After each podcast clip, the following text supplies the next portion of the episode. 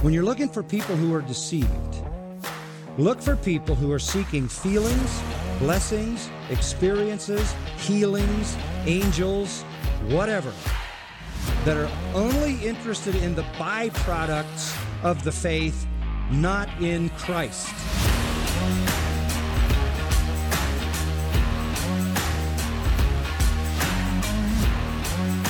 Come out from among them. Run for your life. Because this is about your life. It's not just about an opposing theology or conflicting viewpoint on Jesus. This is about your life. Run from gospels that focus only on success and prosperity. Run! Run from churches where men and not Christ are glorified. Run! Run! Body of Christ, run! Get out! Run from churches where you're comfortable in your sins. Run from preachers that stand and tell stories and jokes. Run like you've never run before.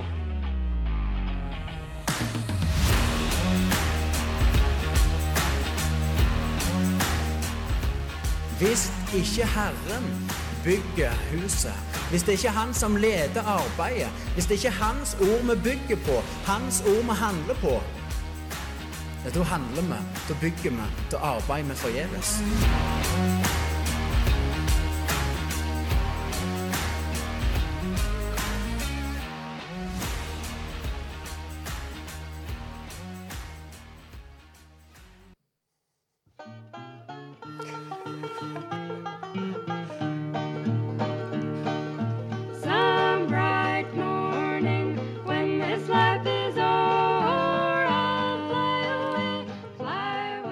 Hva den melodien betyr, Thomas? Yes. Hva er det vi skal snakke om i dag?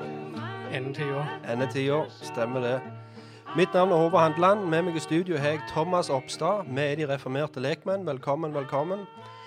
Ja, Jeg var litt spent på, for det tok lang tid, tid før uh, den hovedintroen feida ut, så nå lurer jeg på hva hva er det jeg holder på med nå? Jeg skal lure den inn litt sånn uh, av og til når du ikke tenker det passer helt. Og så tar deg litt på senga. Okay. Hvordan har du hatt det den siste tida? Har du vært ute på noen eventyr? Faktisk. Ja? Ja, for I helga så var meg og fire kompiser, da, annet din bror, vi var og feira han, for han fylte året. Så da var vi nede i Kristiansand en tur. Det var mye god mat. Det var, vi hadde det vanvittig løylag. Gode drøser. Og så var vi òg eh, en tur eh, i Vennesla lørdagskveld på et, det Ung voksen i Philadelphia. For vi har jo noen kjente som vi traff på konferansen der.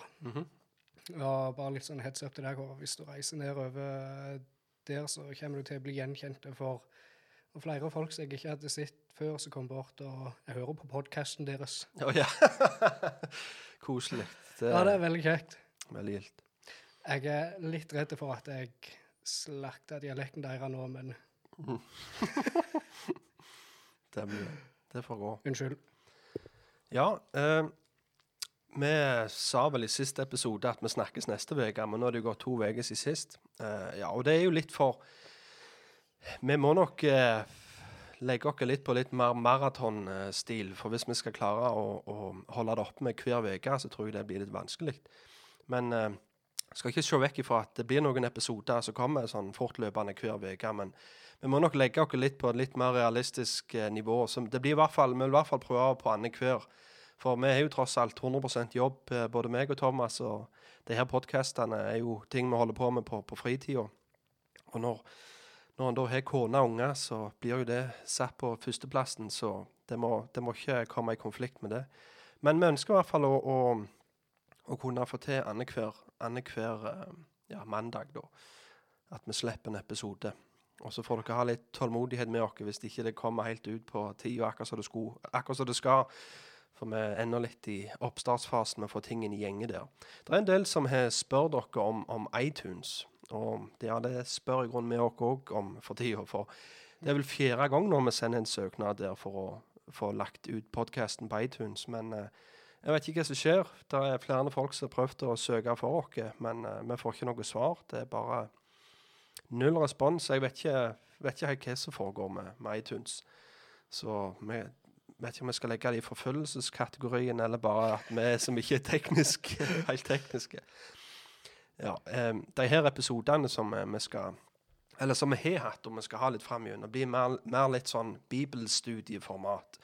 Så det kan være lurt å, å Om du kanskje er en kar som hører de her episodene på jobb, så er det verdt å sette seg ned med, med Bibelen sin eh, kanskje når han kommer hjem, og, og ja, følge med oss litt mens vi, mens vi går gjennom de her temaene. For det blir en del bibelreferanser og ting, men kjenner du Bibelen, så er det vel kanskje Klarer du, vel, klarer du nok å følge med for det?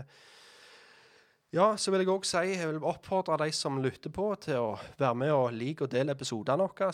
Både på Facebook Altså, jeg har ikke Instagram, så jeg vet ikke hvordan det fungerer der. Er det sånn lik og del der òg, eller hvordan er det det fungerer? Ja, det er vel noe lignende Facebook, ja. Noe lignende Facebook, ja. Så lik og del, for da er dere med og, og gjør dere mer synlige. Så gjør gjerne det. På YouTube òg er det mulighet for å subscribe, eller subscribe heter det.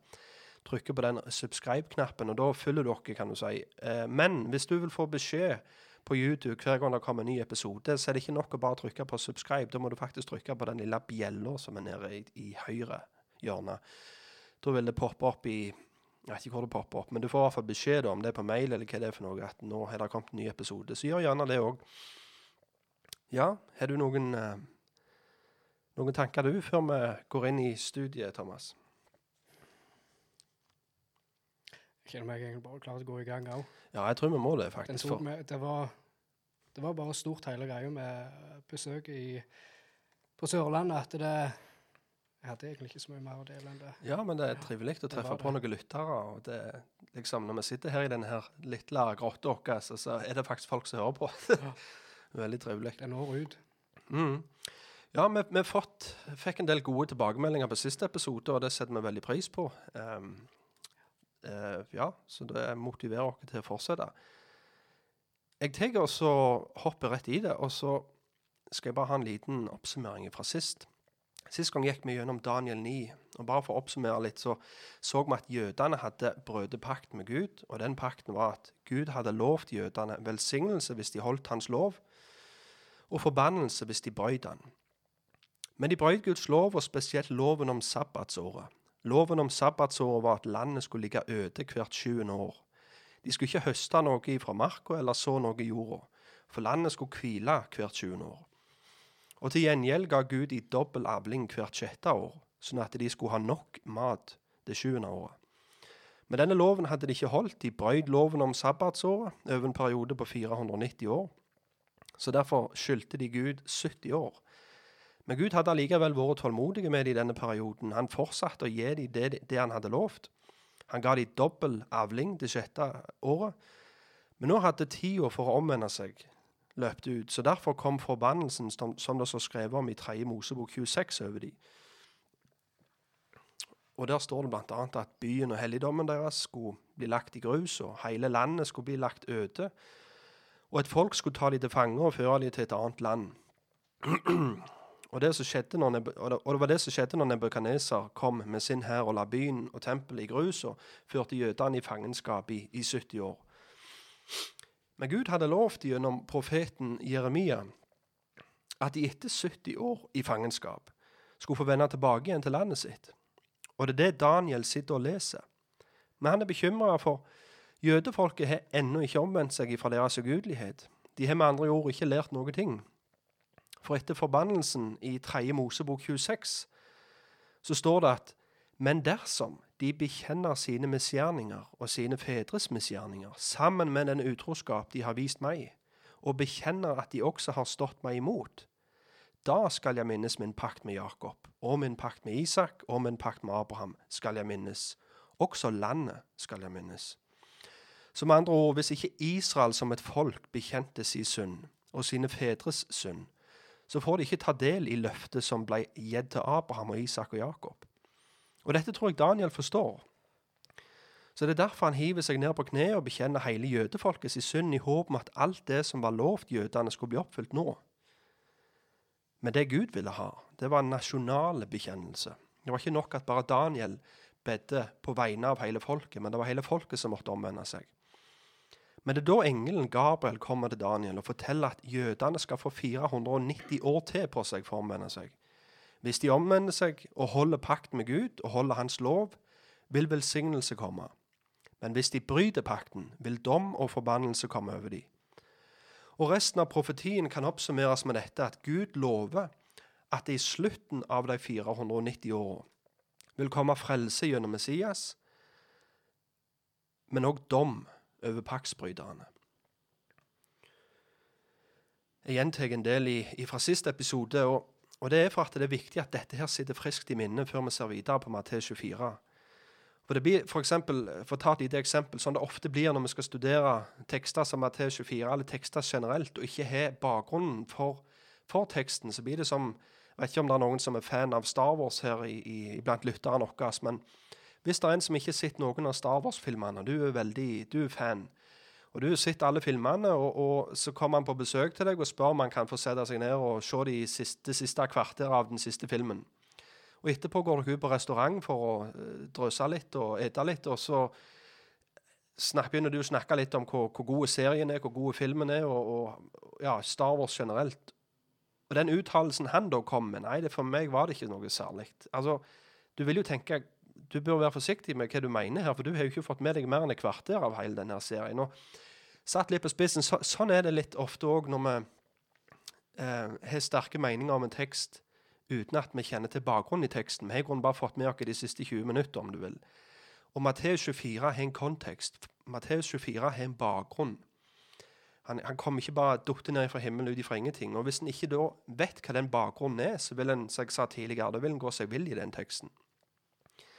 Men hvis vi skal gå litt videre, så kan vi jo spørre ja, hvordan gikk det da med jødene? De hadde fått 490 år på seg. Omvendte folket seg innen de 490 åra? Nei, de gjorde ikke det.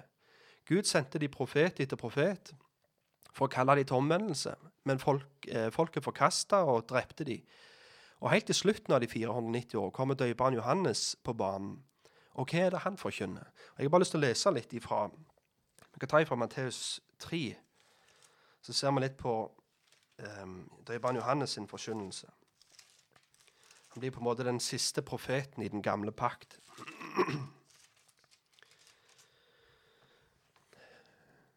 Og jeg leser ifra Matteus 3. I de dager sto døperen Johannes fram og forkynte i Ju- Judeaørkenen. Han sa, Omvend dere, for himmelens rike er nær. For dette er han det er talt om ved profeten Jesaja, røsten av en som roper i ødemarken. Forbered Herrens vei, gjør hans stier rette. Selv var Johannes kledd i kamelhår med, med lærbelte rundt livet osv., men jeg hopper litt ned her. Men da han så at mange av fariseerne og sadukeerne kom til hans dåp, sa han til dem, dere giftslangers avkom, hvem lærte dere å flykte fra den kommende vrede? Bær derfor frukt som er omvendelsen verdig. Og tro, tro ikke at dere kan si med dere selv, vi har Abraham til far. For jeg sier at Gud er i stand til å oppreise barn fra Abraham av disse steinene. Og allerede nå er øksen lagt til roten av trærne. Så blir hvert tre som ikke bærer god frukt, hogd ned og kastet på ilden.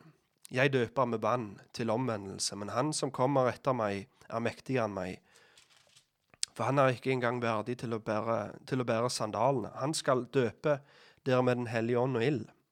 Han har kasteskovlen i hånden, og han skal renske treskeplassen sin grundig og samle hveten på låven, men agnet skal brenne opp med uslokkelig ild. Så du ser på en måte, For å oppsummere Johannes sin forkynnelse, så er det frelse og rike som blir tilbudt. Altså omvend dere og ta imot Jesus. Omvend dere og ta imot frelsen, sånn at riket kan komme. Riket er nå nær, men en må omvende seg for å ta del i det. Og det andre aspektet er det, det er dom og forbannelse. Så bare denne setningen her òg. Øksa er allerede lagt til treet, eh, til, til, til stammen. sant? Nå var det noe som var i ferd med å bli hogd ned, med mindre det, det skjer en omvendelse. Ja, det er faktisk rett.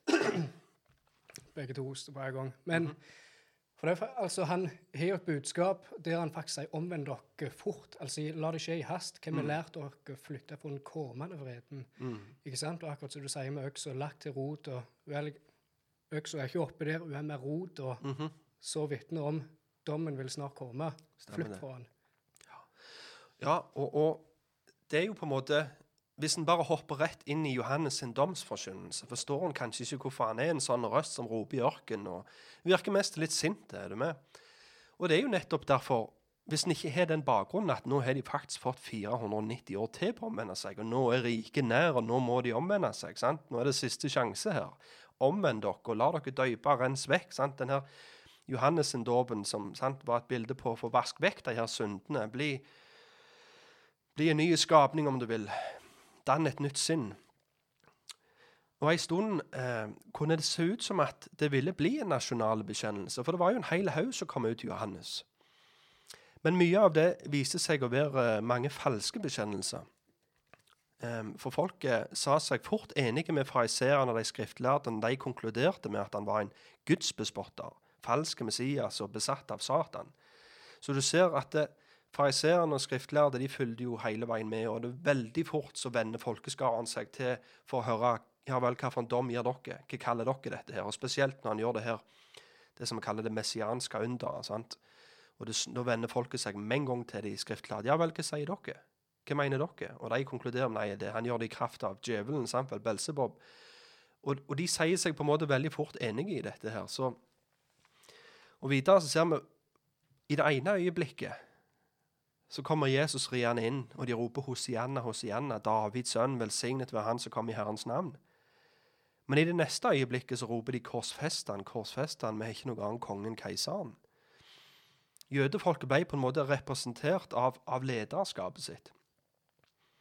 Fariseerne og, og de skriftlærde. Og, og hør hva Jesus sin endelige dom over det jødiske lederskapet er i Matteus 23.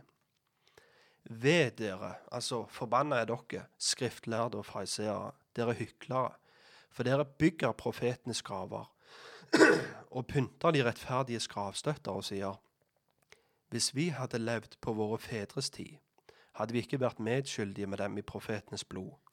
På den måten vitner dere mot dere selv at dere er barn av den som dreper profetene. Følg da deres fedres mål. Slanger, giftslangers avkom. Hvordan kan dere flykte fra helvetes dom? Du ser at Johannes og Jesus de talte med den samme røsten. De hadde det samme budskapet. Velsignelse, omvend dere tru, eller dom. Se, derfor sender jeg dere profeter, vise menn, skriftlærde. Noen av dem skal dere korsfeste, og noen av dem skal dere piske i synagogene deres og forfølge fra by til by, for at alt det rettferdige blodet som er utøst på jorden, skal komme over dere. For den rettferdige Abels blod, og til blodet av Zakaria, Barakias sønn, han som dere myrdet mellom tempel og alteret. Sannelig sier jeg dere, alt dette skal komme over denne slekt. Jerusalem, Jerusalem, hun som dreper profeten og steiner den som har sendt til henne. Hvor ofte vil jeg ikke samle sammen dine barn? Som en høne samler kyllingene sine under vingene. Men dere vil ikke. Se, deres hus etterlates dere øde. Så istedenfor å velge velsignelse, istedenfor å omvende seg, så velger de forbannelse. Så nå sto forbannelsen, som det står skrevet om i 5. Mosebok 28, for døra. Og det er det Jesus profeterer om i det neste kapittelet i Matteus 24. Det er at, vi- skal, vi skal lese eh, 5. Mosebok 28. Jeg tror vi gjør det i noen kommende episoder, men det er skremmende å se hvor, på en måte, hvor parallelle den forbannelsen er med Matteus 24. Du ser at byen og helligdommen skal bli lagt i grus, de skal bli spredt av alle folkeslag, de skal bli tatt vekk, som, de skal bli eh, tatt til fange og, og solgt som slaver osv. Men det, jeg vil snakke litt om, før vi går inn i teksten For det er en del forskjellige syn rundt dette kapitlet i det kristne landskapet. Og kort sagt så handler det om at noen mener at Matteus 24 har blitt oppfylt. Andre mener at noen få vers har blitt oppfylt, men resten ligger føre. Eller at halve Matteus opp, Matteus 24 har blitt oppfylt, mens resten ligger føre. Andre mener det er en dobbel profeti. Det vil si at hele profetien ble oppfylt i år 70, men han skal bli oppfylt en gang til i framtida. Og mange av disse uenighetene har vi, for det er spesielt ett vers vi tolker forskjellig. Og det er vers 34 i Matteus 24.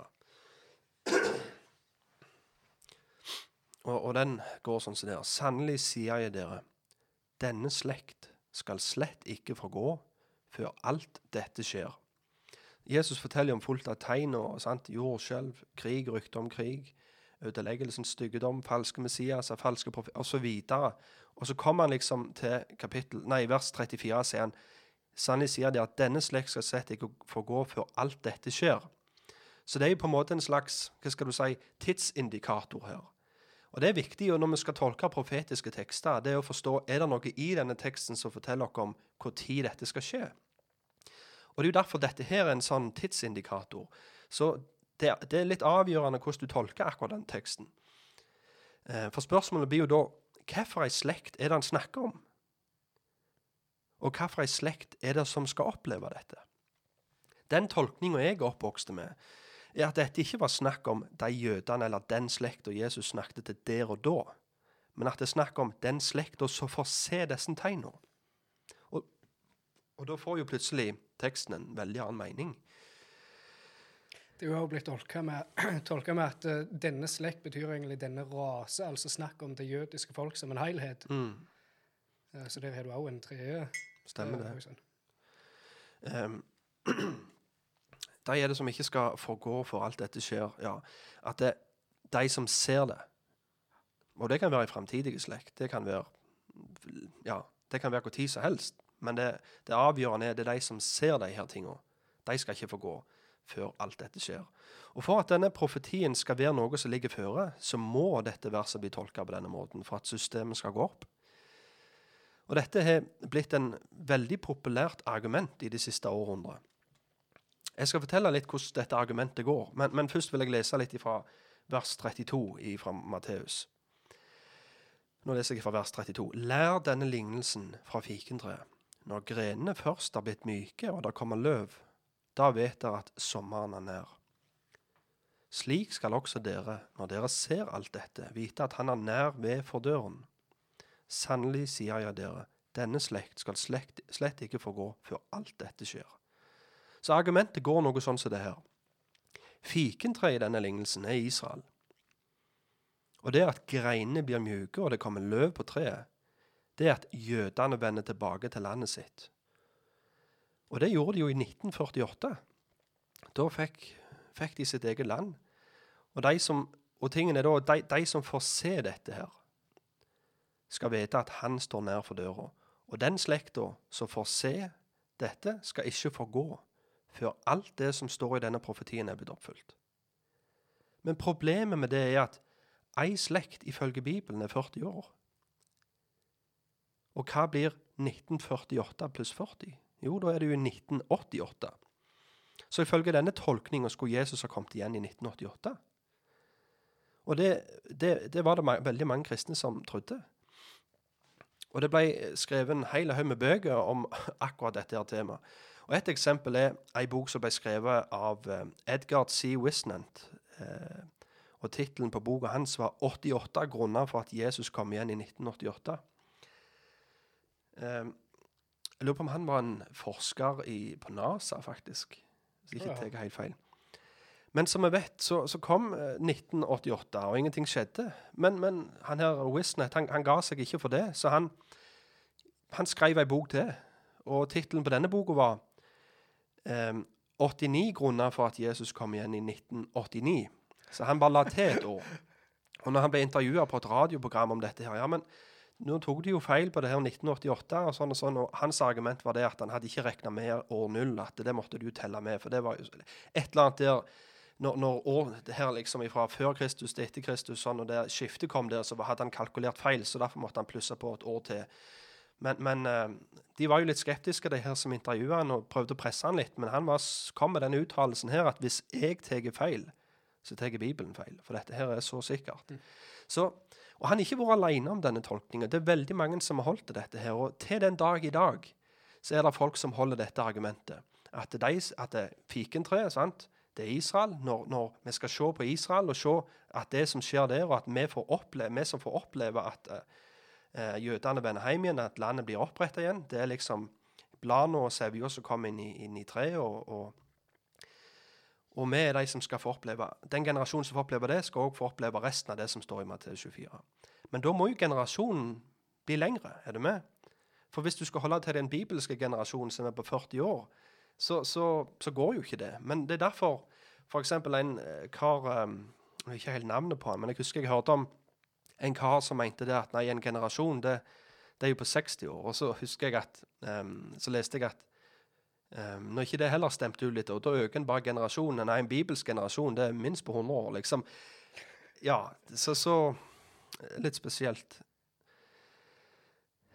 Uh, ifra Skal vi se men, men hvorfor blir denne tolkninga feil? Jeg, jeg har jo forklart litt. Men ifra vers 32 Fikentreet i denne lignelsen, altså i, i Matteus 24, fikentreet er ikke Israel. Og det er det flere av de her dispensasjonalistene som òg innrømmer nå i seinere tid. Før Tidligere så var dette en veldig populær lære, men nå i seinere tid så, så, er vel, så er det flere som òg er enig i det at nei, det, det, det er ikke Israel i, akkurat i denne teksten, selv om Israel er fikentre andre plasser da. Men for, for litt av grunnen for det, det er i Lukas 21, i parallellteksten av Matteus 24. Når, når Lukas skriver om den samme profetien som, som det står om i Matteus 24, så står det ikke 'se på fikentreet', men det står 'se på fikentreet og alle andre trær'. Så poenget er ikke å isolere ett type tre, men poenget er at Se på treet nå, er du med? Du vet at når trærne eh, når, når eh, begynner å få sevje, og det begynner å komme blad på, på greinene, da vet dere at sommeren er nær.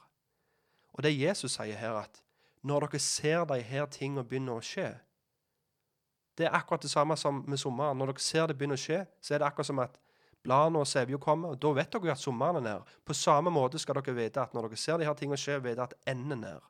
Eller at dette her som han snakker om, er nær. Et annet eksempel der Israel er fikentreet, er jo Lukas 21. Um, og tidligere i Matteus, når, når Jesus Nei, Lukas 21, det er vel Matteus 21, ja. Der det står om Jesus som går bort til fikentreet og ser om det bærer frukt. Og så bærer det ikke frukt, og så forbanner han det og sier du skal aldri mer bære frukt. Så hvis du skal være litt sånn konsekvent og si at nei, hver gang fikentreet blir bygd, brukt i Bibelen, så er det alltid Israel. Ja, da må du òg si at når Jesus går bort til fikentreet der og, og forbanner det og sier det skal aldri mer bære frukt, så, så må jo det være Israel der òg. Men der ser du ofte det blir en litt så inkonsekvent. Nei, det, det er ikke Israel. Og, ja, men nok om det. Vers 33. Eh, slik skal også dere, når dere ser alt dette, vise at han er nær for døren. Og Her er det interessant, for han sier ikke 'de'. Slik skal også de, når de ser alt dette. Han sier 'dere'. sant vel? Han snakker, det, det er på en måte det, det publikum som han snakker til. Når dere ser dette, så skal dere vite at han er nær for døra. Eh, vers 34. Sannelig sier jeg dere, denne slekt skal slett ikke forgå før alt dette skjer. Og det, mange, det mange gjør her, det er at de forandrer ordet i teksten for å få systemet sitt til å passe. De forandrer ordet 'denne slekt' til å bli 'den slekten'. Så legger de til en hel setning som ikke står der, og det er setningen 'De som ser disse ting, skal ikke forgå før alt dette skjer'. Så, så ifra å være 'Sannelig sier jeg dere, denne slekt skal ikke forgå før alt dette skjer', så har det nå blitt 'Sannelig sier jeg dere, den slekten som ser disse ting, skal slett ikke få gå for alt dette skjer'. Og dette her er så inngravert i deres tankegang at eh, hvis du mange ganger når du ber dem om å sitere verset, så er det sånn de har memorisert det. For, for Er du med på tanken? Og, og det jeg personlig òg gjort eh, når jeg har spurt folk ja, men hva er det teksten sier. Jo, han sier jo den, den slekta som ser de her tingene, det er de som skal få oppleve det. Så sier jeg ja, men det er ikke det der står. Jo, det er det der står. Og jeg, jeg, har vært i samtaler der en har vært helt bastante på at jo, det er der det står. Så må jeg eh, åpne opp Bibelen og si ja, hvor står det da? Det står ikke om noe ting om at det er noen de som ser dette. her. Det står 'denne slekt skal ikke få gå'. Eh, eh, ja, og, og dette var en tolkning som ble gjort veldig populære i Ja, det er snakk om på begynnelsen av 1900-tallet. Så det er en veldig ny tolkning av denne teksten.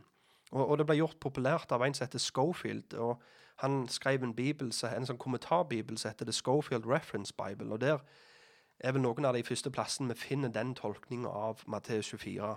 At det er den slekta som ser dette. Og En som heter Hal Lindsey, som skrev en bok som heter Late Great Planet Earth. Det solgte vel eh, over 30 millioner kopier bare liksom på, på 1900-tallet. var så mye, ja. 1970, så det, tok, det var en av bestselgerne. På den tida. Han òg hadde denne her tolkninga av, av Matteus 24, at det skyver hele kapittelet på en måte langt føre, og det eneste som gikk i oppfyllelse for de som faktisk Jesus snakket til, det var bare noen av de par, par første versene i, i teksten. Mitt enkle svar til denne tolkninga, det, det er ikke det teksten sier. Enkelt og greit. Men hvis en, hvis en er avhengig av å tviste setninger og lese ting inn i teksten som ikke står der, for å få systemet sitt til å gå opp, så er det et system som er prest inn i Bibelen, og ikke noen leser ut ifra Bibelen. Og Det er på en måte et prakteksempel på eisegese. For, for um, eksegese det ligger litt, nesten litt i ordet eks. Det er noe du sant, ut. Du legger ut ifra teksten. Men eisegese, da leser du noe inn i teksten. Og det er jo nettopp det som blir gjort her. En leser noe inn i teksten som ikke står der, for å få systemet og tolkninga si til å passe. Um, dette var òg et av de versene som uh, var med på å forandre endetidssynet mitt. Um, og det jeg da eh, Du kan si for Det jeg syns er litt rart, er at de som holder til et sånt endetidssyn, som jeg òg sjøl gjorde før, det er at en ofte snakker veldig høyt om at en holder seg til en bokstavelig tolkning av teksten, og, at en, og andre endetidssyn, det er de som åndeliggjør og sant? Vi bare leser det som står. Sant? Og, og det husker jeg, det har vært et av det virkelig jeg òg har klamra meg til. Ja, men jeg leser bare det som står der, jeg holder meg til en bokstavelig tolkning. Men jeg vil bare spørre Hva da med den teksten som gikk gjennom sist gang, f.eks. Daniel 9. Les inn en parentes på over 2000 år i de 490 åra i Daniel 9 som ikke står der, for å få systemet til å passe. Er du med? Eller i Daniel 2, Nebukadneser, og gir han noen veldig lange føtter, lange teder, for å kunne presse når Je- Romers rike, ja. ja, for, for det står jo veldig tydelig i den teksten der at det fjerde riket, altså Rom, da skal Jesus, da skal steinen eh, komme og knuse, og skal, det evige riket skal bli oppretta da. Men for at det her evige, det messianske riket skal bli prest framfor oss, så må jo Nebukadneser få noe lenger til det, sånn at dette kan bli noe framtidig noe. Og for, at, for, for det som er tingen, Hvis du ikke leser inn en parentes i Daniel 9, og hvis du ikke gir Nebukadneser noe lange til det, konsekvensen blir da at da er riket her og nå. Men det passer ikke inn i deres tankegang, og, det gjorde det heller ikke min egen. Derfor tolererer en at Nebukadneser kan få litt lange til det. Og derfor tolererer en at en leser inn en parentes på 2000 år, og vi teller fortsatt inn i Daniel 9, selv om han ikke står der. Um, og, og nummer tre Sånn som den som vi nettopp har snakket om nå. Legg òg til ting i teksten i Matteus 24 som denne slekt som ser disse ting. Sant? Det er jo heller noe som ikke står der. Men en er villig til å, å lese inn sånne forståelser, for da klarer systemet å gå opp. Det er litt der òg for min egen del, så vil jeg si jeg før jeg tenkte og på en måte sa til meg sjøl, akkurat som du beskriver, at jo, jeg har en veldig bokstavelig tolkning av Bibelen og åpenbaringen, like Matteus 24. Men òg litt så du sier, vers 34 Det gikk opp på ny for meg. Altså, for jeg tolker faktisk ikke den bokstavelig. Stemmer det? Denne slekt skal ikke få gå før alt dette har skjedd. Jeg tenkte den, den slekt som ser disse tegn, eller uh, tenkte gjerne heller at uh, noen av disse tingene skal gå i oppfyllelse. Noe av det som Jesus sa var relevant for, de, eh, for det opprinnelige publikum da. Og hvis, på, hvis det ikke faktisk er som da dette verset sier, at denne slekt skal ikke få gå før alt dette skjer, altså alt dette, der som Jesus snakker om de foregående vers, så kan han jo mest eh, begynne å stille seg spørsmålet var Jesus en falsk profet. Og det er jo faktisk et argument da, til veldig mange kjente artister. Husker du navnet på han der? Han, Eh, ikke Dawkins, men å, han døde jo nå for et par år siden. Hva er det han heter? Hitchens. Christopher Hitchens. Christopher Hitchens, ja. Det var jo et av argumentene han brukte. Og han er ikke alene, det er flere ateister som, som sier det at Jesus var en falsk profet, for han sa at han skulle komme igjen i, um, i mens disiplene ennå levde. Sant? Du har Matteus uh, 10, der det står når han sender disiplene ut på misjonsbefaling, og sier han, dere skal ikke være ferdige med byene i i Israel før menneskesønnen kommer. Eller Matteus 16, der det står at noen av dere som står her, skal ikke smake døden før dere ser menneskesønnen komme i sin herlighet. Altså, Nå er det ikke de som er standarden for hvordan en skal tolke Bibelen rett. Jeg sier ikke det, men allikevel det, det er en reell kritikk, og, og jeg skjønner hvordan de kom opp med den. og Han klarte jo å ta ganske mange av sine kristne debutanter fram til han da traff på Douglas Wilson. Jeg vet ikke om du har hørt den debatten? Jo, ah, jeg har hørt en del av han. Ja. Men det er faktisk Det meste da blir han helt for Douglas Wilson da sier at jo, faktisk, Jesus sa at alt det som skulle skje med den slekta, det skjedde med den slekta. Du kan stole på Jesus. Hans ord er sant. Stemmer ja. Og det svaret hadde han aldri hørt før. Nei. Og da ble han rolig. Men selvfølgelig, no, no, sant, vi skal jo Det er jo mange spørsmål som kommer opp nå. Ja, men det står jo at Jesus skal komme igjen, står det i Matteus 24. Mener dere at Jesus er kommet igjen? Og jeg, jeg tror at vi venter ennå på Jesu andre komme. Jeg sier ikke at, em, at Jesus er kommet igjen og vi gikk glipp av det. Er du med? Og dommen av de døde og sant, De skal stå opp til evig dom eller evig, evig frelse eller evig liv. Det er noe som ligger føre, og det gjør de de fleste, fleste ender til et syn, med mindre du er en sånn full preterist, holdt på å si, og det er ikke vi. Um, men, men som sagt, vi, vi skal snakke videre om det. Jeg vet at det, det er noe av det første folk tenker på, og det var det første jeg òg reagerte på. OK, ok, hvis jeg skal tolke dette her verset som at denne Det er derfor, det, det, det er jo derfor dette verset blir tolka sånn. På grunn av, det står jo der at Jesus kommer Menneskesønnen som kommer med himmelens skyer og har englene med seg. Og sånn og sånn. Og det er jo Jesu andre komme. Og Jesus er jo ikke kommet igjen. Derfor må en tolke det verset der til å bety noe annet. Så, så jeg, jeg, jeg vil ta de opp i beste mening, og, og det var jo det som var min tanke òg. Men for at vi ikke skal komme litt over oss sjøl nå, så, så vil jeg bare si at Bibelen beskriver forskjellige kommer. Og hver gang det står at Jesus sier han kommer, så betyr ikke det nødvendigvis hans andre komme. Ta f.eks. i åpenbaringen i sendebrevet, så sier han jo det at hvis ikke dere omvender dere, så kommer jeg ned vel, og kjemper imot dere med sverd ut ifra min munn. Eller kommer ned og tar lysestaken ifra dere. Altså, Hver gang det står at Herren sjøl kommer ned, så er det ikke nødvendigvis han, et fysisk komme. Sant? Han står med beina på Oljeberget. Men det kan være et komme i dom. Men det, det var en liten teaser på hvordan vi skal Ja, det- skal vi faktisk vie en episode til. Jesu komme i Matteus 24. Men tilbake, du, du snakket litt om hvordan sant, tolke denne her teksten, og bokstavelig, og sant, klamrer seg til det. Og, og ja, vi skal lese Bibelen bokstavelig når, når Bibelen sier det skal tolkes bokstavelig. Men, men eh, skal vi si Jeg tror ikke at det er noe så Hva skal du si? Jeg Jeg vil ikke kalle det en bokstavelig tolkning. Eh, Jeg vil kalle det en kreativ tolkning, mye av det som foregår. At en er kreativ når en skal tolke Bibelen. Og så blir det kalt for en bokstavelig tolkning. Og Vi har ikke noe rett til å være kreativ med Bibelen. Vi må la Bibelen tolke Bibelen. En annen tolkning av vers 34 eh, i, i Matteus 24 er at Og det, det var jo du litt inne på tidligere.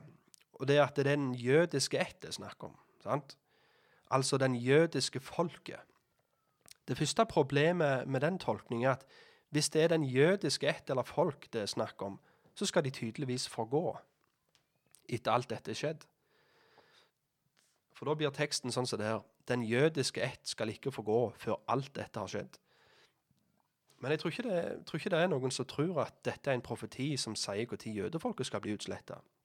Men hvis du vil si at det er den jødiske ett det er snakk om her i teksten, så er det jo nettopp det teksten sier. Det er det han ender opp med å si. En annen grunn for at denne tolkningen er feil, er at det er ikke det ordet som blir brukt, enkelt og greit. Det er ikke ordet for ett. Uh, ta et eksempel på uh, ord, ordet ett. Og jeg kan ta ifra Peter i eh, 1. Peter 2,9. Men dere er en utvalgt ett, et kongelig presteskap, et hellig folk, et eiendomsfolk, så dere skal forkynne hans underfulle storverk osv. Altså her, her beskriver han Peter beskriver Men dere er et utvalgt ett. Og det er ikke bare sant for de han skrev det til. En utvalgt ett, et kongelig presteskap, det er sant om alle som kommer til tro, i alle generasjoner, alle slektsledd. Så litt poenget med å si at ja, men ordet slekt i Matteus 24 der, det er snakk om etter jødene det er snakk om. Så derfor blir det en slags sånn generisk term, sånn at det er gjeldende i all tid. Det blir ikke eh, låst til en viss tid der og da, for å si det sånn. Men hva ord er det som er brukt? Ordet slekt som blir brukt i vers 34, er genea. Og rett oversatt, og det blir rett oversatt til slekt. Men kan ordet bety ei framtidig slekt? Er det, er det låst til å være den slekta der og da? Eller betyr det slekta han faktisk snakket til? Um, det første vi må se på da for å finne svaret på det spørsmålet, er hvordan blir ordet genea brukt i Matteusevangeliet? Eller ordet slekt? For ofte kan et ord bli brukt på ulike måter av forskjellige forfattere. Men det vi lurer på, er hvordan er det Matteus bruker ordet slekt?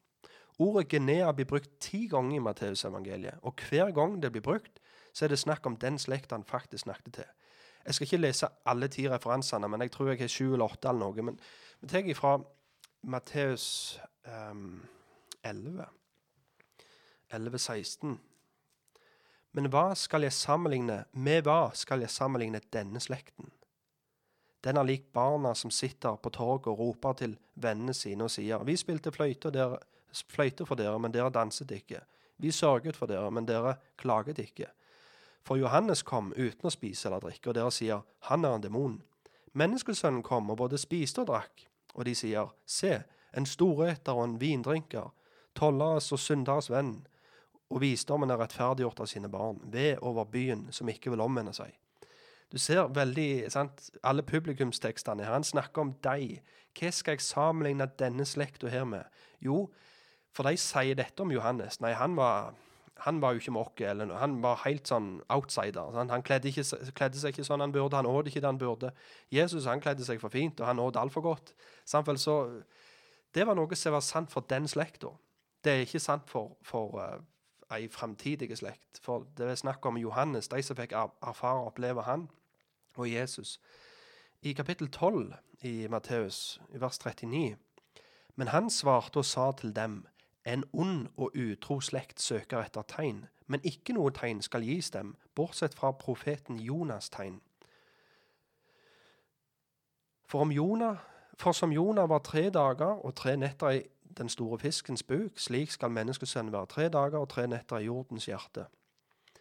Menn fra Ninive skal stå opp i dommen sammen med denne slekt og fordømme den, for de omvendte seg ved Jonas' forkynnelse. Og se, her er en som er større enn Jonah. Her òg igjen. Her blir ordet 'denne slekt' brukt to ganger i den samme teksten. Og det er veldig tydelig hvem var det som fikk oppleve det her oppfyllelsen av Jonah, om du vil. At Jesus, tegnet til Jonah, det var jo de som fikk oppleve Jesu døde oppstandelse. Det var den slekta. Um, Dronningene fra sør skal stå opp i dommen sammen med denne slekten og fordømme den, for hun kom fra jordens ende for å høre Salomos visdom, og se, her er en som er større enn Salomo.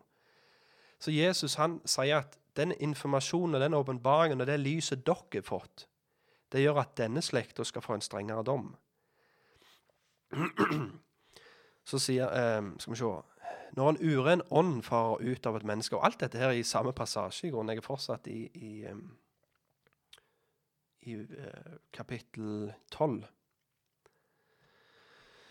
Uh, jeg leser fra 43. Når en uren ånd farer ut av et menneske, drar den gjennom tørre steder på leting etter hvile, og finner ikke noe. Så sier den, jeg vil vende tilbake til mitt hus, som jeg kom ifra. Og når den kommer, finner den det tomt, feid og gjort i stand. Så går den og tar med seg sju andre ånder, mer onde enn seg selv, og de drar inn og blir boende der og den siste tilstanden til dette mennesket blir verre enn det første. Slik skal det også være med denne slekt. Igjen, Jesus tar et bilde her av en demonbesatt sant? En mann som er besatt av en demon. og Demonen blir drevet ut sant? ut i ørkenen sånn sånn, på leiding etter en plass å bo. Men så finner han ikke noe. Derfor vender han seg bare tilbake igjen til sitt hus og tar med seg enda mer. Sant? Og Det er jo litt det her bildet som Jesus bruker på jødene. De fulgte jo etter. De forlot tempelet. sant? De var med han ut i ørkenen. De var med han overalt der han gikk, for å se er dette her kanskje noe. Er dette Messias? Men når de da konkluderer med nei, vet du hva, han er en hykler, han er en eh, falsk Messias, han er en gudsbespotter, kom, vi går tilbake igjen til tempelet. Så det, han tar på en måte et bilde på jødefolket. Han tar et bilde, bruker en demonbesatt mann for å ta et bilde på den, den slekta Jesus faktisk var iblant og forkynte til. Og i kapittel 17, vers 17, da svarte Jesus og sa, du vantro og vrange slekt, hvor lenge skal jeg være hos dere? Hvor lenge skal jeg holde ut med dere? Før ham til meg. Denne Jesus helbreder den sønnen til han eh, han faren som kom med en sønn som er besatt av en demon, og så, så går, kommer de til disiplene, og de klarer ikke å drive han ut. Og igjen, det er ikke ei framtidig slekt, men det er den slekta han faktisk snakker til. Og til slutt her i kapittel 23, den teksten vi leste litt tidligere. Se, derfor sender jeg dere, profeter, vise menn, skriftlærde.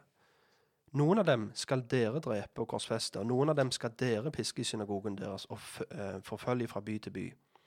For alt det rettferdige blodet som er utøst på jorden, skal komme over dere. Fra den rettferdige Abels blod og til blodet av Zakaria, Barakias sønn, han som dere myrdet mellom tempelalteret. Sannelig sier jeg dere, alt dette skal komme over denne slekt. Igjen, Jesus legger her skylda på en måte til føttene til det jødiske lederskapet. Nå er klimakset, nå har synden nådd, sitt mål, og nå sier han denne slekt er det som skal få alt det uskyldige blodet over seg. Det som han tidligere hadde båret over med, den dommen han ikke hadde gitt tidligere, den kommer nå over denne slekta. Og det er i forkant av Matteus 24, der han beskriver dommen. I, fra, og da har vi jo i kapittel 24 i 33. Slik skal også dere, når dere ser alt dette, vite at han er nær ved for døren. Sannelig sier jeg dere, denne slekt skal ikke få gå for alt dette skjer.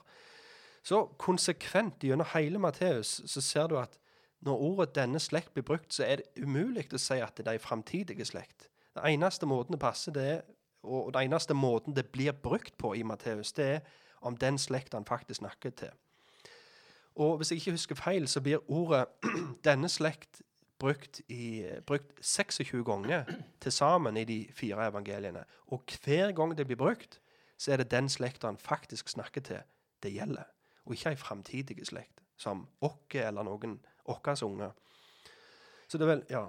Det er bare litt interessant, for når han i vers 6 i kapittel 24 sier at, at dere skal høre om krig og rykter om krig, uh, så sier han jo at eh, se da til at dere, at dere ikke blir skremte. Mm. For hvis dette gjaldt ei framtidig slekt, da hadde en jo ikke trengt, de hadde jo ikke trengt å være redde i det hele. Men her sier han at dere, skal høre rykter om krig og krig, Mm. men bli ikke redde. Ja. Det sier han jo til deg. Stemmer det. Hvis de ryktene skulle komme i framtida, hadde de ikke hatt noe å være redde for uansett. Da hadde en ikke trengt å sagt det til dem, at bli ikke skremt. Og det er jo sånne publikumsreferanser igjen, som òg er veldig viktig å se når du skal tolke prof, prof, eh, sånne profetier i Bibelen. Hvem er det han sier det til? Sant? Vi kan ikke bare se forbi det sant? og lese inn noe sjøl. Så, så det er veldig tydelig at når ordet 'denne slekt', altså Genea, blir brukt, så er det den slekta Jesus faktisk snakket til han mente. og ikke ei framtidig slekt. Noe som òg er viktig når vi skal tolke profetiske tekster, det er nettopp det her publikumstekstene. Jesus bruker ord som 'når dere ser'. Han sier ikke 'når de ser'. Eh, som om det var noe som skulle, noen framtidige som skulle oppleve det. Nei, de som skulle oppleve det Jesus profeterte om i Matteus 24, er de han faktisk snakket til. Den slekta. Og denne profetien om Jerusalems ødeleggelse ble gitt i ca. år 30 etter Kristus. Og legger du til ei slekt til det tallet, altså 40 år, så ender du opp i år 70. Så, sånn passer det jo perfekt. Og det, det var da romerne kom for å ødela, og ødela folk og den hellige byen. Vi er veldig lett for å se forbi hvem um, profetier er skrevet til, og hvem profetien er skrevet om. Og så leser vi oss sjøl inn i teksten. Og det er faktisk en slags form for erstatningsteologi. For han erstatter det opprinnelige publikummet med seg sjøl. Istedenfor å se at dere skal se, og dere skal bli pisket, og dere skal bli dratt inn eh, framfor synagoger og osv., så, videre, så leser vi inn som om det var oss. Altså, hvis en skal ha den tolkningen med å skyve Matteus 24 framfor oss, da må jo vi tenke det at OK, da skal vi bli dratt inn framfor synagogene, eller sant vel. Men, men som sagt, det er jo kanskje noen av de tekstene som de fleste vil si ja, ja, men det gjaldt jo de. Men det er når du kommer litt videre, da, da er det, det virkelig det begynner å gjelde noe framtidig. Så, så det skal vi snakke mer om. Um, sånn som vi så sist gang, med, med Daniel 9. ehm, det er en tekst som veldig ofte blir tolka til å snakke om verdens ende. At når de 70 åra er ferdige, så har vi kommet til tidens ende. Men hva er det teksten sier? Engelen sier til Daniel at 70 uker er tildelt ditt folk og din hellige by. Det er ingenting om oss her, eller om verdens ende i denne profetien. Men allikevel så har vi gjort denne profetien til det sentrale. Eh, når, når, Daniel 9 blir sitert eller snakket om, så er det for å snakke om en framtidig antikrist, et framtidig tempel. Eh, men så er det ingenting i den teksten om oss. Han begynner teksten med å si at denne her profetien er om ditt folk og din hellige by. Um, en annen feil vi gjør, er at når vi leser at det står 'de siste tider', så tenker vi alltid at det er snakk om den tida vi lever i, eller ei tid som ligger framfor oss. Og at de siste tider betyr at verdens ende står for døra. Men det stemmer heller ikke alltid. For det er veldig tydelig at de siste tider hadde kommet til de som levde og fikk høre Jesus og apostlene sin forkynnelse. Og at det var noe som var i ferd med å komme til en ende for de som levde da. Jeg skal ta noen eksempel, bare så dere forstår litt.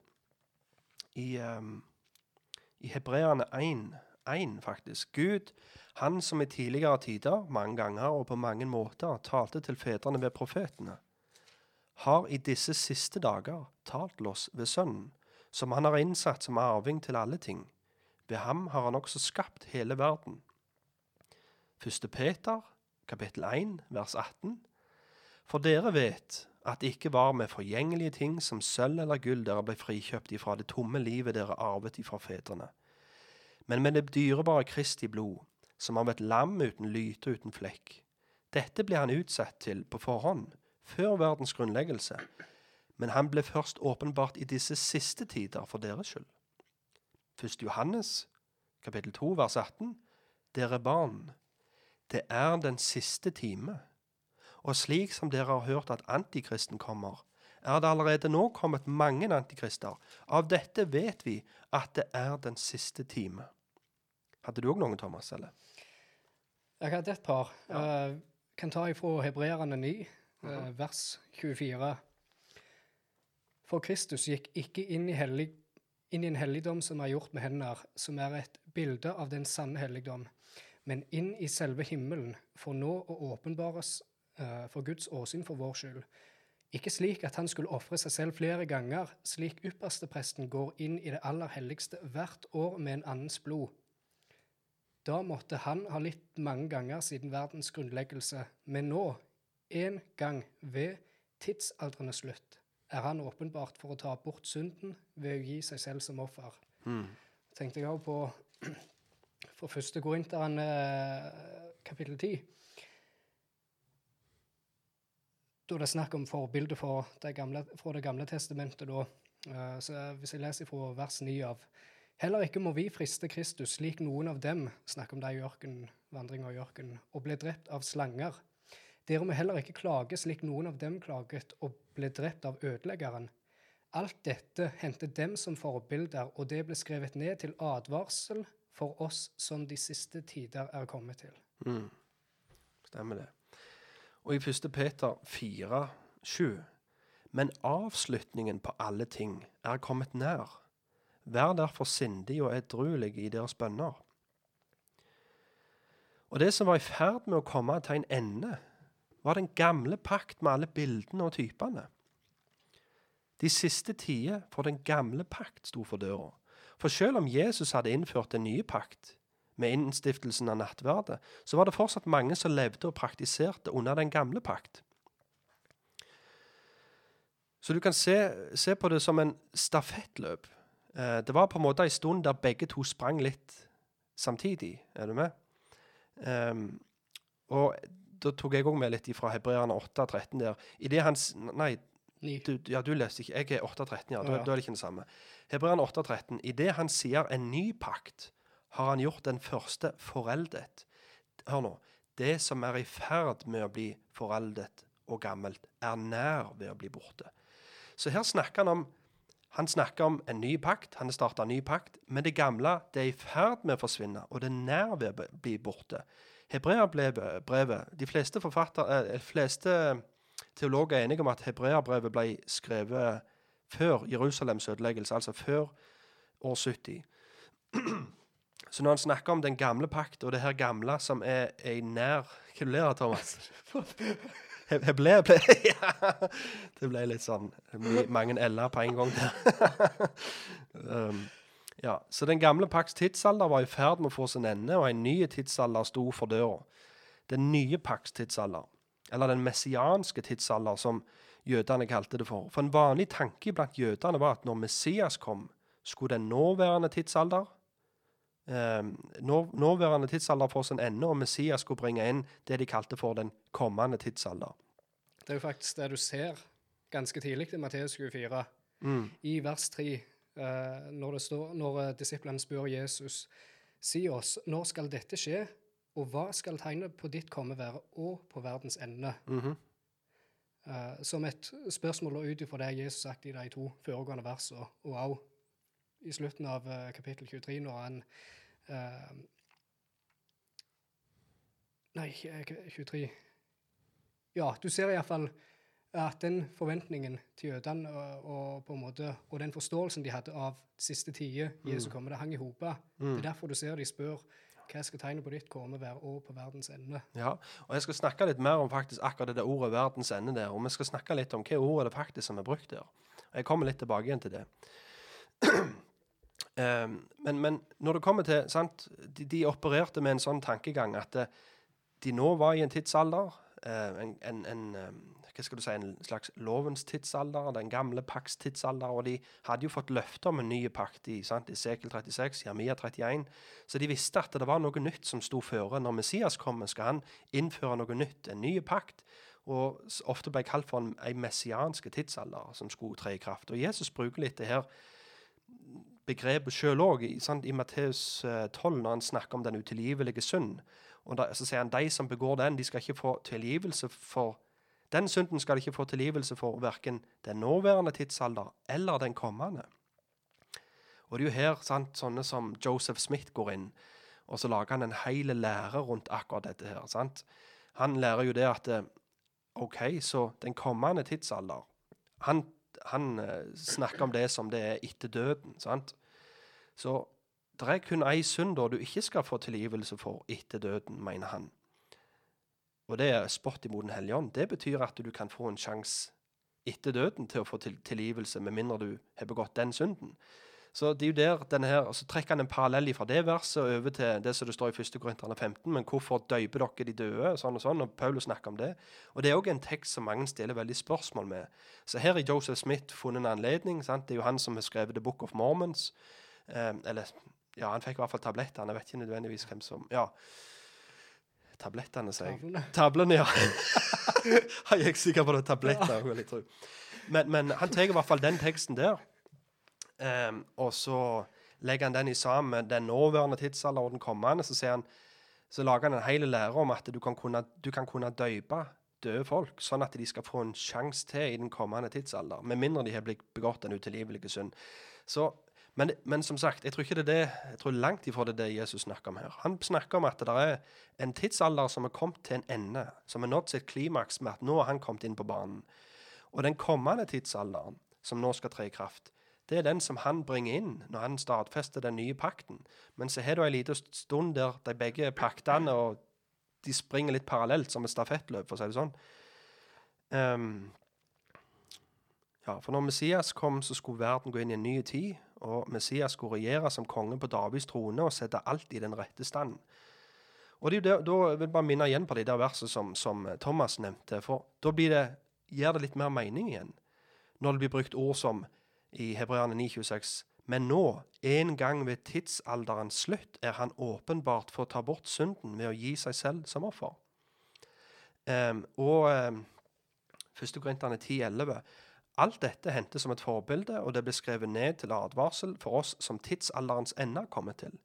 I vår oversettelse, Thomas, vi har jo Bibelen, Guds ord, så står det Um, ja, hva er det der sto der i 1. Korinterne 10.11? Sto det verdens ende der? Siste tider. Ja, siste tider, ja. Stemmer det. Eh, en bedre oversettelse vil være tidsalders ende, pga. det ordet aion som er brukt der. sant? Eh, så de, veldig mange av de eh, bedre oversettelsene oversetter det riktig. De oversetter det til tidsalder, og ikke de siste tider, bare sånn generelt. For da kan det jo være de siste tider av verden. Men det, men det er veldig tydelig at Bibelen beskriver gang etter gang her når Jesus kom, så kom han i tidens fylde. Han kom når det var ei tid som hadde nådd, sitt fulle mål, om du vil. Det var en tidsalder som var i ferd med å komme til en ende. Alt det vi har snakket om nå, er viktig for å forstå Matteus 24. Så la oss lese teksten, da. Det var en lang intro. vi leser Matteus 24. Skal vi se. Deretter gikk Jesus ut og bort fra tempelet, og disiplene hans kom opp for å vise ham tempelbygningen. Og Jesus sa til dem, Ser dere ikke alt dette? Sannelig sier jeg dere, her skal ikke bli stein tilbake på stein som ikke skal bli revet ned. Da han nå satt på Oljeberget, kom disiplene til ham, og mens de var alene, sa de, Si oss, når skal dette skje? Og hva skal tegnet på ditt komme være, og på verdens ende? Igjen, det er det ordet eion som er brukt.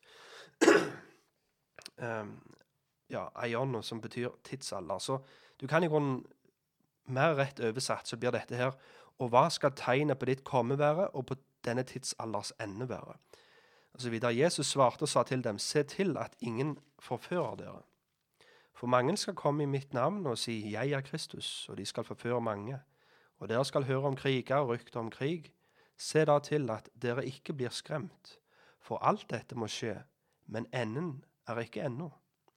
For folkeslag skal reise seg mot folkeslag, og rike mot rike, og det skal bli hungersnød, pest, jordskjelv på forskjellige steder. Men alt dette er bare begynnelsen på venet. Da skal de utsette dere for trengsel og drepe dere, og dere skal bli hatet av alle folkeslag for mitt navns skyld.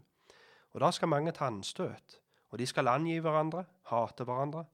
Mange profeter skal da stå fram og forføre mange, og fordi lovløsheten tar overhånd, skal kjærligheten bli kald hos mange. Men den som holder ut til enden, skal bli frelst.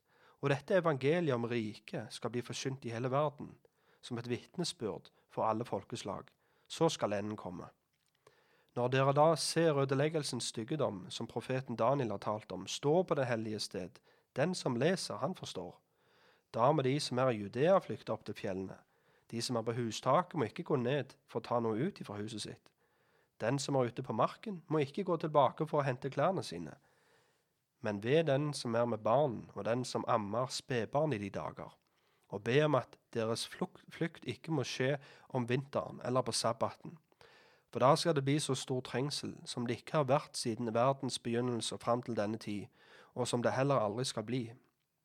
Og hvis ikke de dagene blir forkortet, vil ikke noe kjød bli frelst. Men for de utvalgtes skyld skal de dagene bli forkortet. Hvis da noen sier til dere, se, her er Kristus, eller der, så tro det ikke. For falske Kristuser og falske profeter skal stå fram og gjøre store tegn under, for å forføre selv de utvalgte om det var mulig. Se, jeg har sagt dere det på forhånd. Så hvis de da sier til dere, se, her er han, eller se, han er i ørkenen, da gå ikke ut, eller se, han er i det innerste rommet, så tro det ikke. For så lynet kommer fra øst og blinker til vest, slik skal også menneskesønnens komme være. For der hvor ådselet er, der skal gribbene samles. Straks etter de dagers trengsel skal solen bli formørket, og månen skal ikke gi sitt lys. Stjernene skal falle fra himmelen, og himmelens krefter skal rokkes. Da skal menneskesønnens tegn vise seg på himmelen. Og da skal alle folkestammer på jorden jamre, og de skal se menneskesønnen komme på himmelens skyer med kraft og stor herlighet. Og han skal sende sine engler ut med en mektig basunrøst, og de skal samle sammen hans utvalgte fra de fire vindretninger fra den ene enden av himmelen til den andre. Lær denne lignelsen fra fikentreet. Når grenene først har blitt myke og det kommer løv, da vet dere at sommeren er nær. Slik skal også dere, når dere ser alt dette, vite at han er nær ved for døren. Sannelig sier jeg dere, denne slekt skal slett ikke få gå før alt dette skjer. Himmel og jord skal få gå, men mine ord skal aldri få gå. Så jeg tenkte bare vi må ha den friskt i minne, den teksten der. Og um, men før vi går inn i teksten, så Veldig som vi går rundt grøten her nå, Thomas. vi kommer ikke alle inn. Før vi går inn i teksten, så vil jeg snakke litt om hva som akkurat har skjedd. For det er òg litt viktig. Vi, vi har hatt en, sant, vi to lagt, malt en kontekst med at vi snakket om Daniel 9. Men nå må vi ha en litt mer sant? Vi zoomer inn gradvis. med, fra fugleperspektiv og så nærmere og nærmere. Nå vil jeg at vi skal snakke litt om en litt nærmere kontekst. Hva er det som har skjedd i, kapit sant, i kapittelet tidligere? Og Ta f.eks. fra kapittel 21. da. Så kommer Jesus riende inn i Jerusalem på et esel, og de roper Hosianna, Hosianna, Davids sønn. Og når han nærmer seg tempelet, så kan vi lese i Lukas 1941 at det står da han nærmet seg og fikk se byen, gråt han over den. Og han sa Og du, om du bare på denne tiden bar, eh, Unnskyld. Om du bare på denne din dag hadde visst hva som tjener til din fred. Men nå er det skjult for dine øyne. For dager skal komme over deg da dine fiender bygger en vold rundt deg, omringer deg og trenger seg på deg fra alle kanter. De skal jevne deg og dine barn som er i deg, med jorden, og de skal ikke la det bli stein tilbake på stein i deg, fordi du ikke kjente din besøkelsestid. Og det første han gjør når han da kommer inn i byen, det er å gå opp i tempelet. Og der binder han en pisk og driver ut kjøpmennene. Dette var faktisk andre gang Jesus gjorde det. Vi kan Første gang leser vi om i, Johannesevangeliet. To ganger gikk Jesus inn i tempelet for å se om det som foregikk der, var rent og til behag for Gud. Men det eneste han fikk se, det var råde, om du vil.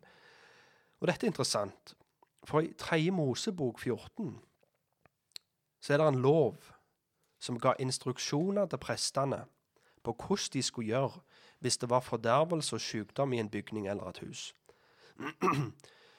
og Det skulle begynne med at de gikk inn i huset for å observere det. Og etter en stund så skulle, presten, ja, så skulle de forlate det og etter en stund så skulle presten komme tilbake og observere det en gang til. Altså to ganger. Eh, og hvis fordervelsen fortsatt var der, så skulle hver stein eller stokk av huset som var smitta av råte eller sopp, bli revet ned og knust til støv. Og som regel var det bare nødvendig å fjerne de steinene som var smitta, så kunne resten av huset stå. Men hvis alt var smitta, så skulle hele bygningen bli knust og brent opp. Og, og det som er litt interessant da, det er jo det at, som vi vet, og sikkert mange vet, det er at Jesus oppfyller på en måte tre roller. Han er prest, profet og konge. og um, Så det vi da ser når Jesus kommer riende inn i byen, da Da ser man kommer riende inn i Jerusalem som en konge. Og han går opp i tempelet og observerer det, sant? som en prest. Og videre så forkynner han etterpå, sant? som en profet. Men det er derfor ordbruken til Jesus er veldig interessant i begynnelsen av Matteus 24. Nå har Jesus kommet ut av byen. Han har kommet ut av tempelet og sitter nå på Oljeberget med disiplene sine. Og vi leser Deretter gikk Jesus ut ifra tempelet, og disiplene hans kom opp og viste ham tempels bygninger. Og Jesus sa til dem, ser dere ikke alt dette? Sannelig, sier jeg dere, her skal ikke bli stein tilbake på stein som ikke skal bli revet ned. Så i denne bygningen så var det ikke en eneste stein som ikke hadde blitt smitta av fordervelsen som foregikk inn i tempelet. Så derfor sier Jesus at hver stein skulle revet ned og lagt i grus. Og videre så leser vi da han nå satt på Oljeberget, kom disiplene til ham. Og mens de var alene, sa de, si oss, når skal dette skje, og hva skal tegnet på ditt komme, og på tidsalderens ende? Det første spørsmålet jeg vil noe på, eh, si noe om av disse tre spørsmålene, er det siste spørsmålet. For i mange oversettelser som jeg nevnte litt tidligere, så står det 'verdens ende' her, og ikke 'tidsalderens ende'. Og det er veldig misvisende. For det er tre ord på gresk for verden, og de betyr forskjellige ting. Men ofte blir det bare oversatt til verden, uansett hvilket av de tre ordene som blir brukt. Og de tre ordene er kosmos, oikumene og aion. Hvis kosmos var ordet som ble brukt i denne teksten, så hadde det vært rett å sagt verdens ende. Sant? Kosmos. Vi forstår det. det. Det er jo på en måte ord vi òg bruker. sant? Men ordet oikumene, det betyr den bebudde verden. sant? ta et eksempel nå, f.eks. i begynnelsen av Lukasevangeliet, når, når det blir, går ut et ord om at hele verden skulle bli skrevet inn i manntall. Der er det et helt likt eksempel. Var det hele verden? Hadde Rom myndighet til å eh, sant, skattlegge Peru? Eller skattlegge India og Kina? Jeg tror ikke det. Er du med? Men det er ordet oikumenes som blir brukt der, og det betyr den bebudde verden, eller det romerske imperiet. sant vel?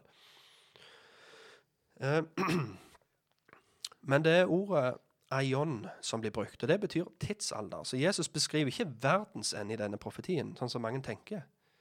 Men spørsmålet er når skal denne tidsalder få sin ende? Den gamle paks tidsalder. Og Jesus svarer på dette spørsmålet med å beskrive Jerusalems ødeleggelse. Som Jerusalems ødeleggelse blir stafettpinnen overlevert, og de gikk ifra den nåværende tidsalder til den kommende. Så når forfatteren av hebreerbrevet beskriver den gamle pakk på denne måten, det som er i ferd med å bli foreldet og gammelt, og er nær ved å bli borte, så vet vi at det som var i ferd med å gå vekk, forsvant helt etter tempels ødeleggelse.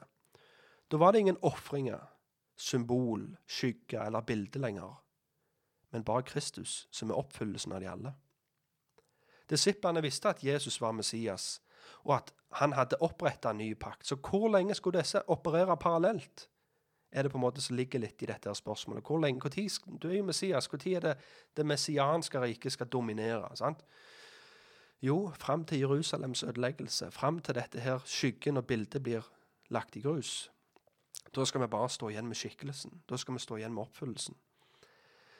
Så helt til slutt nå, oppsummere litt. Hva er det vi har snakket om?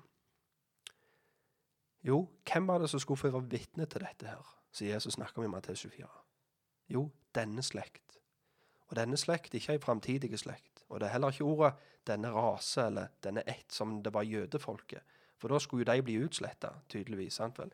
Denne slekt skal ikke forgå før alt dette skjedde. Så denne slekt er den slekt han faktisk snakker om, snakker til. Ja, og hvem er det Jesus snakker til? Han snakker til dere, altså disiplene. De som, han, de som hører på han. Ikke, ikke de, ikke de som til oss eller noen i framtida. Og dette er heller ikke en profeti om verdens ende, kan vi si som en slags punkt tre, men en profeti om tidsalderens ende. Og dom over folket, byen og tempelet. Med andre ord dom over paksbryterne. Av de 490 åra hadde kommet til sin ende, og nå kommer dommen over paksbryterne. Velsignelse og rike til de som omvendte seg og tror, men dom over paksbryterne som ikke vil omvende seg. Så der har du på en måte en slags Ja, jeg vil si det her var viktige ting å etablere før vi går inn i teksten, for de avgjør litt hvordan du tolker teksten. Det er liksom, Når du har et fugleperspektiv på en profetisk tekst, så må du stille noen spørsmål før du begynner å tolke den. For det kan ikke være sånn at vi bare automatisk tolker de fleste profetiene til å omhandle oss. Vi må spørre oss sjøl er det noe i teksten som indikerer om, om det har blitt oppfylt. Om, om? Da må vi se på det her tidstekstene, timingtekstene. Når er det noe i teksten sier når den skal skje? Og det er der i denne teksten. Denne slekt skal ikke få gå for alt dette skjedd. Og publikumstekster. Snakker han, sier han de, de, de. Nei, han sier dere skal se. Dere, dere, dere. Og jeg tror vi skal se når vi går videre nå, så skal vi se at dette her er en veldig lokale dom som blir beskrevet. Det blir beskrevet om de som er i Judea, må flykte til, til fjellene. De som er, på hustakene, de må de må bare rømme. Sant? De må ikke hente kappen sin engang. Vi ser at det er en veldig lokale dom, for du skal klare å rømme ifra den til fots. Sant? Hvis det her er snakk om en dom for ver det er verdens ende det blir beskrevet her nå, så ifølge den tolkningen så bør jo vi bare hive oss på flyene og ned til Judea og rømme opp til fjellene der, for det er der vi skal klare å flykte fra den dommen. Sant? Men jeg tror ikke det er det snakk om. Jeg tror det er snakk om en lokale dom som er veldig relevant for de som faktisk hørte denne teksten og forsto den. Men jeg vet det er en del spørsmål der ute og Jeg vet det er folk tenker ja, ja, men hva med den, og hva med det? Hvem er sant, sol og måne skal bli formørka, stjernen skal ikke Hvem er det her kosmiske språket? Katastrofe Har det skjedd? Prøver du å si dette skjedd? Og hold your horses, må jeg bare si da. Følg med i episodene som kommer. Eh, vi skal vel gå grundig gjennom denne her teksten, her, for vi vil han skal bestå tidens prøve. Vi vil ikke at det skal være sånn at vi må gå tilbake igjen og gjøre det på ny etter fire uker, pga. det er bare en hel haug med spørsmål. Så vi har lyst til å prøve å ta med oss ta den fra alle vinkler og gå inn i alt som har med ord, hva betyr de, og, sant? Så det her blir ikke bare vers for vers, men her blir det ord for ord, helst sant? Så vi håper dere det vekker litt appetitt hos dere som hører. Og forhåpentligvis så kan det um, kan det bli oppbyggelig og til Guds ære. Det er det vi ønsker. Ja, Thomas. Sier du? Det er spennende tekst. Ja. Jeg gleder meg til fortsettelsen sjøl. ja det blir Det er, Jeg kan, ja, det er virkelig en tekst der jeg, så jeg eh, nå når jeg studerte den mer, så ser jeg hvordan i alle dager klarte jeg liksom, Bare sånn som jeg tenkte på med, med uh, vers 34, der altså denne slekt, hvordan klarer klar på en måte overse det? mm. Og Nei, det blir gildt å gå videre. Der kan jo vi rose dere i at her holder vi oss til en bokstavelig tolkning. Ja. Faktisk. Så nå er det vi som bruker det argumentet. Vi tolker bare det bokstavelig, det som står der. og det, liksom, det ordet betyr, det tror vi liksom Kona minte meg faktisk på her om dagen at uh, Husk å gå fram i ydmykhet, for uh, jeg husker du har brukt denne teksten her for å prøve å overbevise ateister om å bli frelst pga. rykter om krig og se rundt deg. Hun, tog, for, hun var med meg ute, vi var evangelisert, vi gikk dør til dør på Ålgård, meg og kona, for noen år siden. Um, og da husker jeg vi kom inn, ble invitert inn og sto i kjelleren og snakket med en kar. Og da husker jeg at da brukte jeg Matteus 24 for alt det var verdt. Ja, men se da, det står rykt, jordskjelv, rykter om krig. og. Og Se rundt deg, det er jordskjelv, Bibelen. Det, liksom, Nå lever vi i det siste, nå kommer han snart igjen. nå må du om, samtidig. Og ja, tenker kanskje det at her står det jo det skal bli jordskjelv på forskjellige plasser. Og det står om, om eh, pest og hungersnød og ene og det andre. Men igjen, selv om vi ser det rundt dere i dag, så betyr ikke det at det er det denne teksten snakker om. Men vi bruker rette tekster. Sant? Vi må bruke rette tekster for Man kan ikke le lese en bibelsk eh, lære en bibelsk sannhet, men ut ifra feil tekst. Det er en feil som jeg ofte har gjort, og jeg tror mange òg eh, er skyld i. Hvis en har lyst til å advare om at folk må omvende seg, så finnes det nok av tekster til det. Vi trenger ikke å bruke Matteus 24 for å si at se her, da. Nå, nå kommer han jo snart igjen. For i Matteus 24 står det at det skal bli jordskjelv. Og derfor så betyr det han er nær ved for døren.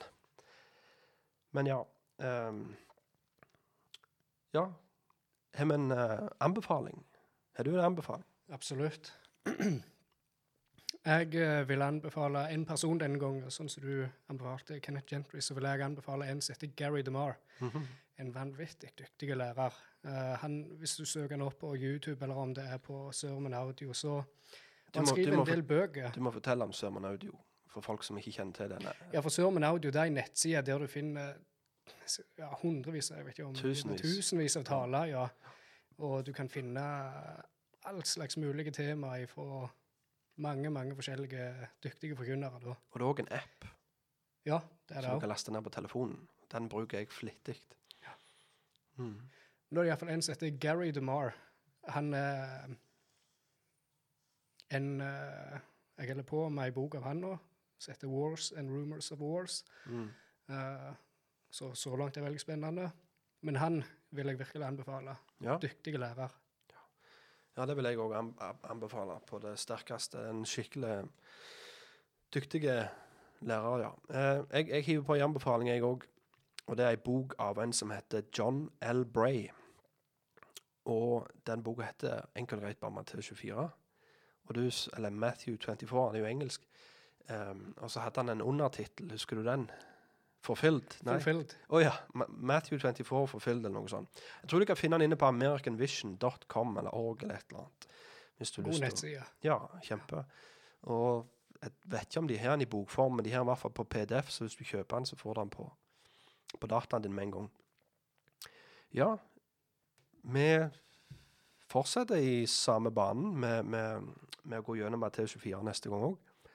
Eh, vi snakkes antageligvis om et par uker, for det ligger en del studier, og vi bruker en del tid på det her. Det, blir det er jo ikke det vanlige formatet, så vi trenger litt ekstra tid så lenge det er litt ettermiddagstimer som, som Ja, det er kun ettermiddagstimene vi får brukt på dette her, så, så derfor må, vi, må dere gi dere litt mer tid på denne her serien.